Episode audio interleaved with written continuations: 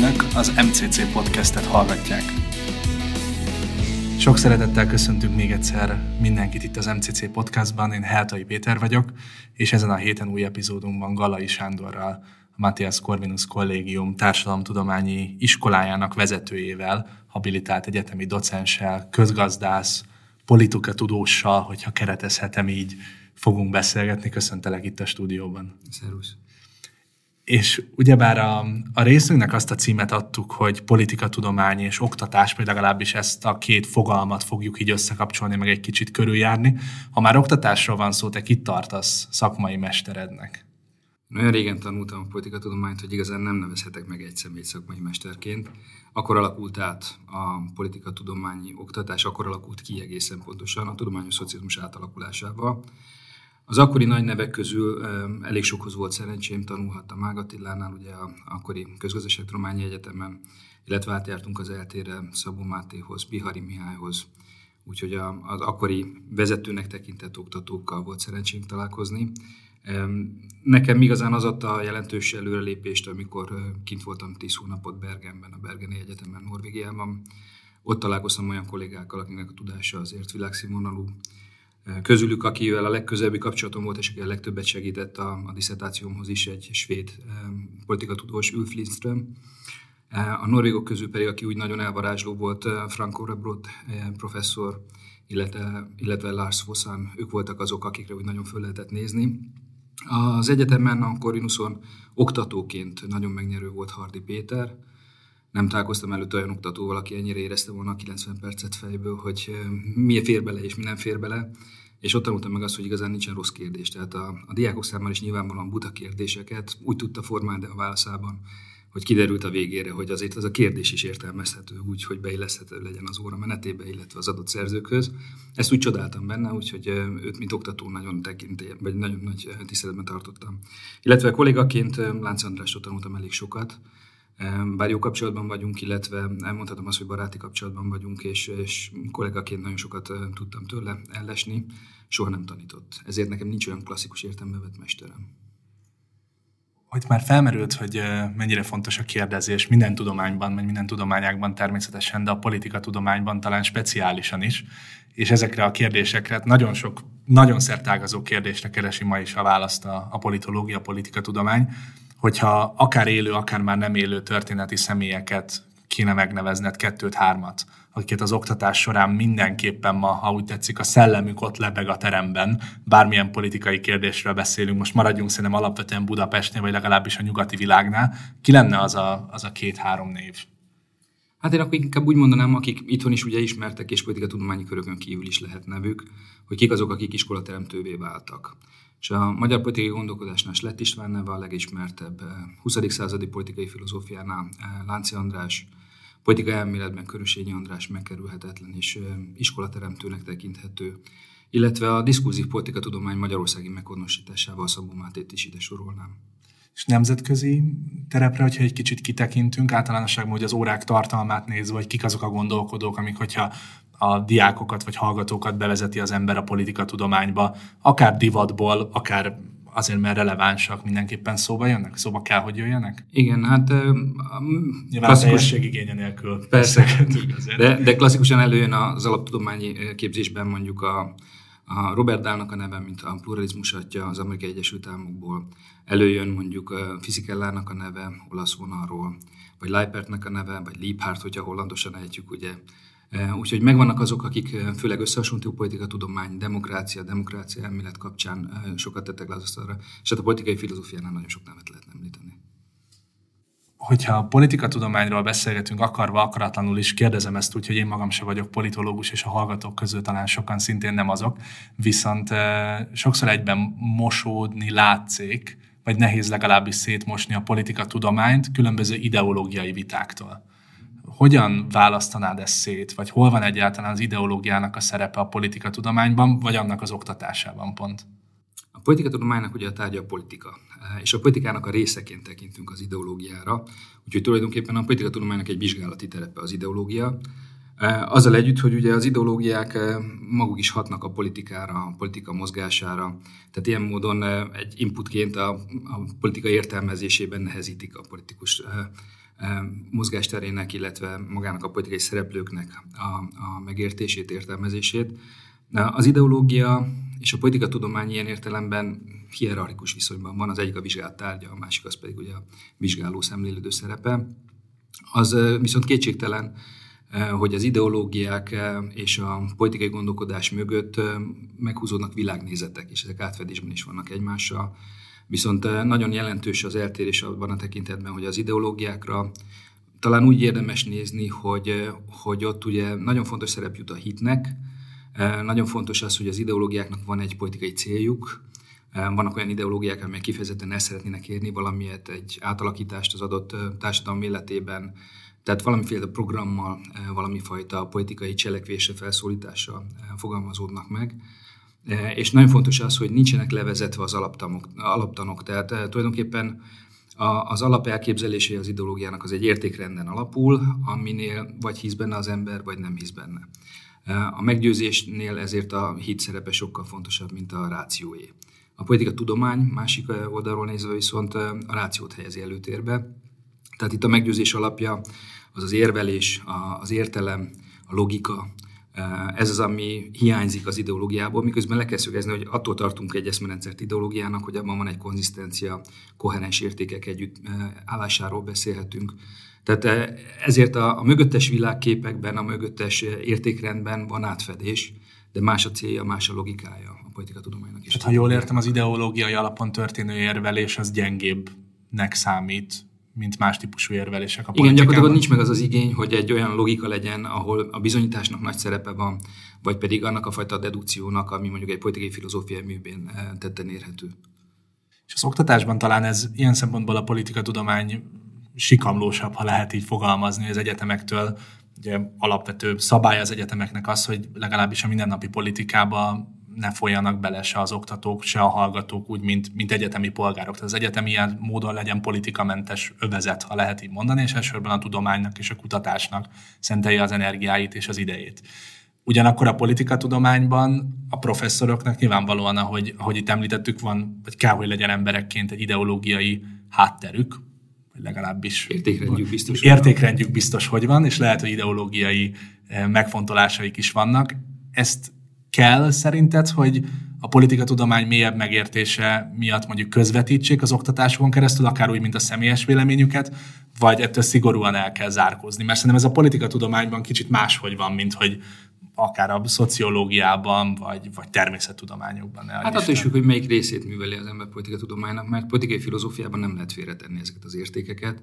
Az egy eleve normatív műfaj, Úgyhogy ott pontosan azért, mert van egy kép az embernek arról, hogy hogy néz neki egy ideális közösség, hogyan rendeznek be a vezetők, vezetettek viszonyát, ki lehet kerülni a hatalom kérdését, vezetés kérdését. Ez biztos, hogy egy értékrendet, egy világnézetet feltételez, és ez egyszerűen az ember munkásságán keresztül is ordít. Vannak olyan kutatások, empirikus kutatások elsősorban, ahol adattal dolgozik az ember, ráilleszti a függvényeket, ott nincsen az értékrendnek ilyen nagy szerepe. Az adatok kiválasztásánál lehet játszani természetesen. Ez ha közélmi kutatás van mögötte, akkor ott sem mindegy, hogy, hogy teszik fel a kérdést, tehát ezek vannak. Sőt, tovább megyek, tulajdonképpen az sem mindegy, hogy milyen fogalmakat használ az ember. Tehát az, hogy valaki társadalomról beszél, vagy politikai közösségről beszél, az már egy világnézetet, értékrendet sugal, jól látható, hogy ezt tudatosan teszi valaki, akkor azzal azonosítja magát egyik vagy másik megközelítéssel. Vagy, ez baj szerinted egyébként? Nem, szerintem ez nem, magában nem baj, mert nem is lehet levetkőzni ezt. Tehát vannak olyan politikai kérdések, ahol, ahol maximum arra törekedhet egy illető, hogy elmondja azt, hogy milyen nézetek vannak, hogyan ütköznek egymással a különböző álláspontok. Szerintem ez a maximális, amit elvárhatunk egy, egy politikatudományi oktatótól. De ugyanakkor a másik véglete, amikor a saját magánvéleményét politikai alapon, politikai meggyőződésből, politikai értékválasztás mentén keveri bele, az nem túl szerencsés. Az, hogy kutatóként van egy értékrendje, és ez esetleg átjön, előfordul, mert mondom szóhasználatból is lehet, de én játszottam ilyet annak idején a diákokkal, hogy a fél évig megtippeltettem, hogy milyen lehet az értékrendem. Kifejezetten érdekes volt, hogy mekkora szórása volt. Ha szerintem nagy a szórás, akkor jól csinálta az illető. Hogyha nem nagy a szórás, akkor az azt jelenti, hogy eléggé nyilvánvalóvá vált, hogy politikailag mit gondol különböző kérdésekről.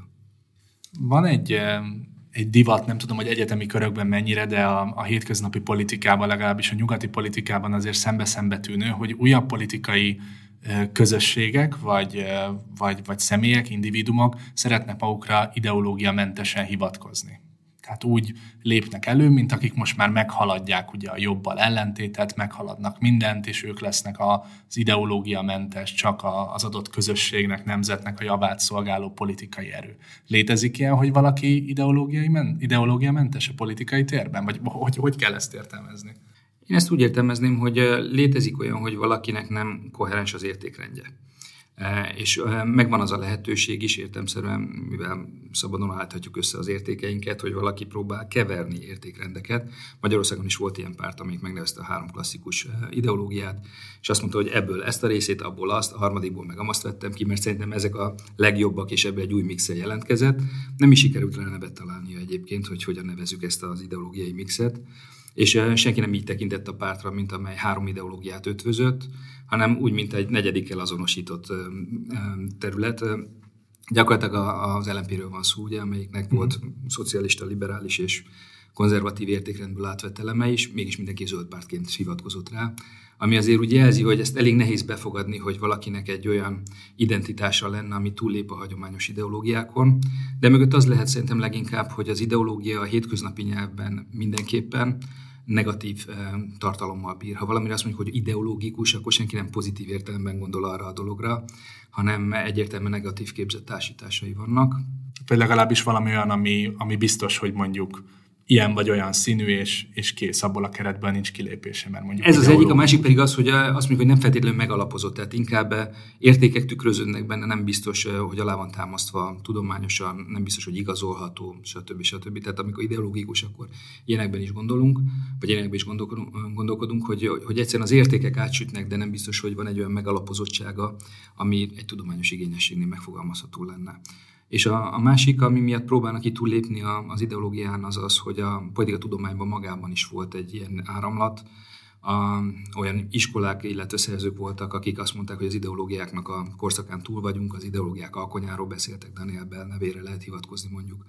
Ez a 1960-as évek majd a 70-es évek, és azt mondják, hogy nincsen olyan nagyon új a nap alatt, a régi ideológiák keverednek, szocialistából, liberálisból lesz szociálliberális, liberálisból konzervatívból liberál-konzervatív vagy neokonzervatív, de olyan, olyan nagyon új dolgok nincsenek, ez volt az egyik alapállítás. Hát egyrészt kiderült, hogy azóta vannak újabb dolgok is. Nagyon izgalmas, most visszanézünk a 60-as évekre, mit látunk, mit látsz most? Hát pont ez nagyon érdekes, mert például a pártrendszerek befagyásáról a 60-as években született cikk, vagy az ideológiák alkonyáról akkor született, és ez képest pont a 60-as évek végétől van egy megújulás ha csak az új baloldali mozgalmakat nézzük, a mögöttes új baloldali ideológiák, a, a, a környezetvédelemnek van egy ideológiai áramlata, az ökologizmus, ugye, mint új áramlat, vagy a feminizmusnak egy reneszánsza, de úgy, hogy átértelmezi a, a jogi egyenlőség fogalmát, és, és tágítja ezeket a kereteket.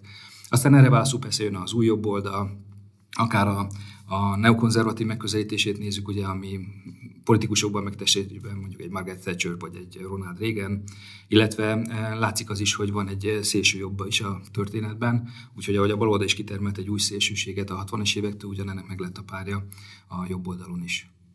De csak-csak, ahogy, ahogy most beszélgetünk, ugye szintén te is baloldalt, jobboldalt, liberális, szocialistát, konzervatívat, tehát mégiscsak a felvilágosodásnak a, a szókészletét használjuk máig, és talán ezért is izgalmas, hogy amikor azt mondjuk, hogy valami ideológikus, akkor már automatikusan ebbe a három legfeljebb négy kalapba rakjuk bele a, az ítéletünket. Hogyha valami ideológikus, akkor ennek van talán egy ilyen... Mert ezek a klasszikus ideológiák. Ez, ez, ezek a klasszikus. De használtunk új fogalmakat is, és vannak is erre kísérletek. Viszont azt látni kell, hogy maguk a pártok ezekkel azonosítják a magukat, illetve a választóknak, hogyha be kell sorolni a pártokat, akkor ezeket a címkéket használják. És mindenki tudja azt, hogy ezek nem százszáz rögös lefedettségűek. Tehát uh, még egy választó is tudja azt, hogy egy magát szocialistának nevező párt az nem mindenben szocialista, vagy egy magát konzervatívnak nevező párt nem mindenben konzervatív, és aki újságolvasó, az még talán azt is tudja, hogy mik azok a területek, ahol eltér a párt a klasszikus ideológiai áramlattól. De ezeket leegyszerűsítően használjuk, mind a tudományban, mind a közéletben.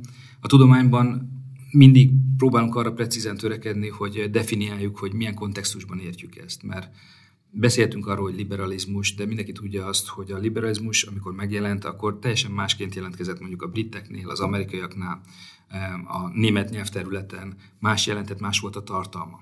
Ezzel együtt használjuk ezt a fogalmat, hogy liberalizmus, csak a kontextusból kiderül, hogy mit értünk alatta, vagy pedig, hogyha kifejezetten szeretnénk valamire helyezni a hangsúlyt, akkor maga a szerző pontosítja, hogy mit ért alatta. De miért lehet mégis, hogy ezek a szavaink úgy, úgymond befagytak az elmúlt mondjuk 300 évben körülbelül, hogyha úgy satszolni akarok, ez a konzervatív, liberális, szocialista hármas, hogy, hogy azt szokták mondani, hogy a tudományos haladásnak, nagy idézőjelekben, az lehet az egyik jele, hogy új szavak keletkeznek a jelenségek leírására. És mintha ezek, ahogy említetted is, úgy, úgy megkövesedtek volna, és mintha nem tudna túllépni rajta se a politika tudomány, se a közbeszéd. Keletkeznek új fogalmak, és van is ilyen törekvés, akár elég visszamenni a demokrácia fogalmához, ahol Robert Dahl javasolta azt, hogy annyira sok mindent értettünk már demokrácia alatt, hogy ha lehet, akkor lépjünk túl és itt van a poliarchia helyette. Próbáljuk meg ezt elfogadni. Ezt még, még nem sokat hallottam a nem, nem, nem, mondjuk így, hogy nem ment át a közbeszédbe. Az ideológiáknál pedig egyszerűen a főpolitikai szereplők, a pártok azok, akik ezt tovább hordozzák, és ezért nem tud megszabadulni tőle a politika tudomány sem. Mert ha a pártok maguk ilyen családokba tömörülnek, mondjuk egy európai parlamentben, vagy az európai transznacionális pártcsaládok így nevezik el magukat, akkor nem tudunk túllépni rajta, még akkor sem, hogyha tudjuk azt, hogy mondjuk az a fajta liberális, amit ma leírunk mondjuk egy európai pártcsalád szintjén, az nem ugyanaz, mint a 19. századi liberalizmus. Úgyhogy a politikában jelen vannak ezek a fogalmak. Nagyon erős egyébként a, az összekapcsolás a, a pártok és a választók között ezen fogalmakon keresztül. Tehát a szimbolikájával, pártok logója, színezete, fönt lehet tartani ezeket a fogalmakat. Tehát hiába, még egyszer mondom, egy-egy fogalom nem jól írja le az adott pártnak a jelenségét, de mégis azzal azonosítják a választók is, illetve a párt önarcképében is ez egy nagyon erős motivum. És mit gondolsz, hogyha mégis maradunk ezeknél az elnevezéseknél, tehát a szókészletben használjuk a, a bevett kategóriákat, mik ezek között a csoportok között ma? Elsősorban a nyugati világra fókuszálunk megint csak, vagy akár Közép-Európára, azok a kiemelt találkozási vagy ütközési pontok, amik mégis élesen elhatárolják a mai politikában ezeket az oldalakat, vagy politikai csoportokat, közösségeket? Hát ilyen rengeteg van azért. Az, hogy hogyan viszonyulnak mondjuk a munkán belül a munkaadók, munkavállalók világához, hogyan viszonyulnak valláshoz, egyházhoz, eh, az, hogy hogyan viszonyulnak mondjuk a globalizmus kérdéseihez, ezekben elég jelentős eltérések vannak. E, az más kérdés, hogy adott esetben egy-egy politikai párt, egy-egy politikai irányzat e, is mozog ezen skálán jobbra-balra. E, ugye az Európai Parlamentben jól meg lehet figyelni azt, hogy mondjuk az Európai Néppárt csúszik a bal irányába, a bal felé, ez az, amiből a konfliktusok vannak például a, a Fidesz pozícionálásában, és ez az egyik alapállítása ugye a magyar kormánynak is, hogy hát ők szeretnék azt, hogyha nem menne át a baloldalra ennyire élesen a néppárt, de magán a néppárton belül is ott van az a törésvonal, mert vannak, akik pontosan ezért ragaszkodnának az eredeti keresztény értékekhez. Mások pedig azt mondják, hogy úgyis együtt kell működnünk a másik oldalakon, meg inkább az, hogy mi a közös, helyezzük arra a hangsúlyt.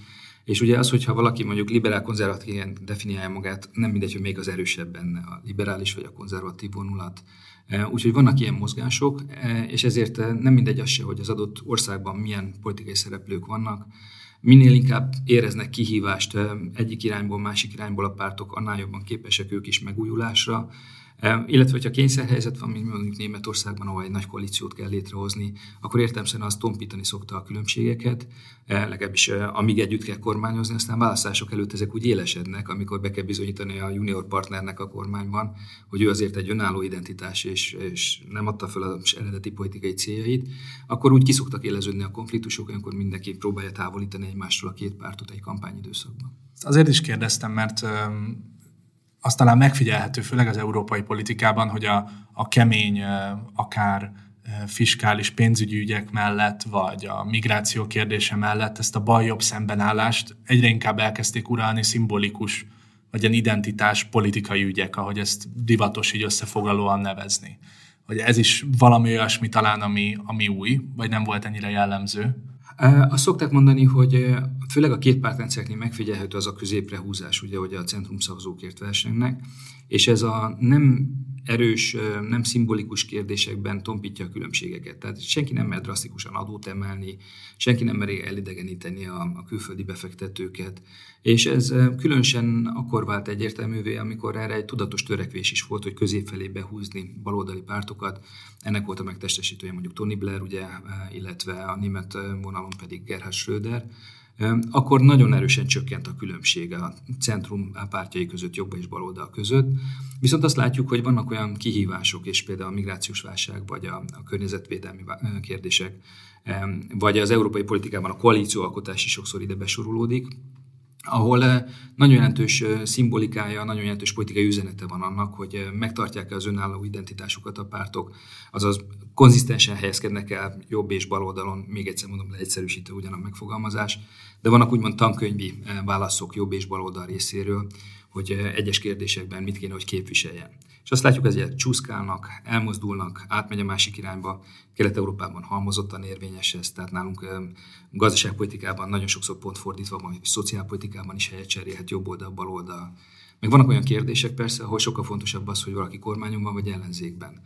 Klasszikusan tudjuk, hogy jobb oldal mondjuk hagyom, hagyományosan nézve a, a katonai konfliktusokban nem riad meg, ugye a héjával szokták leírni a jobboldali eh, megközelítéseket, a baloldalt meg a, a fehér galamb szimbolizálja ugye a béke eh, küldötteiként.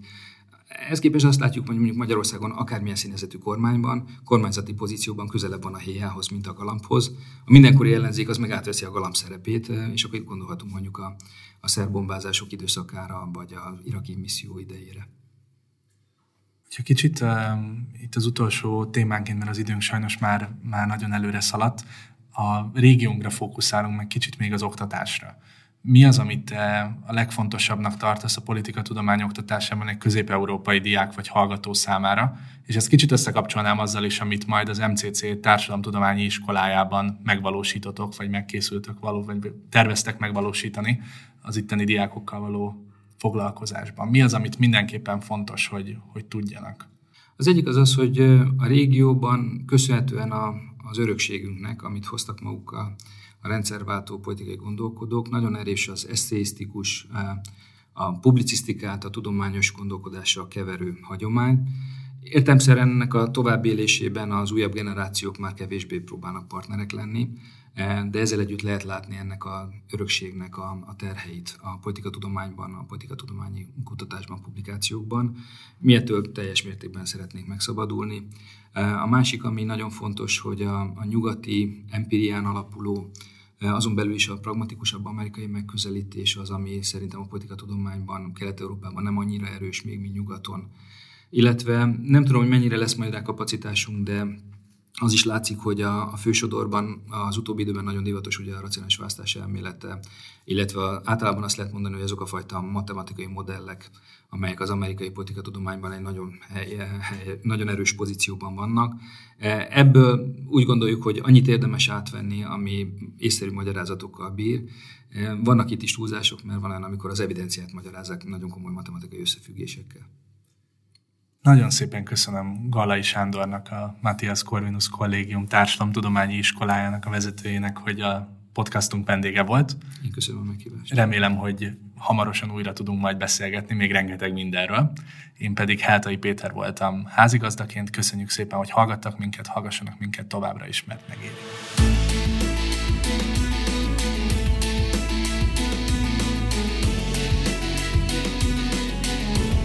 Önök az MCC podcastet hallották. Kövessenek minket a Facebook, Instagram, YouTube, SoundCloud és Twitter csatornáinkon, illetve az mcc.hu honlapunkon.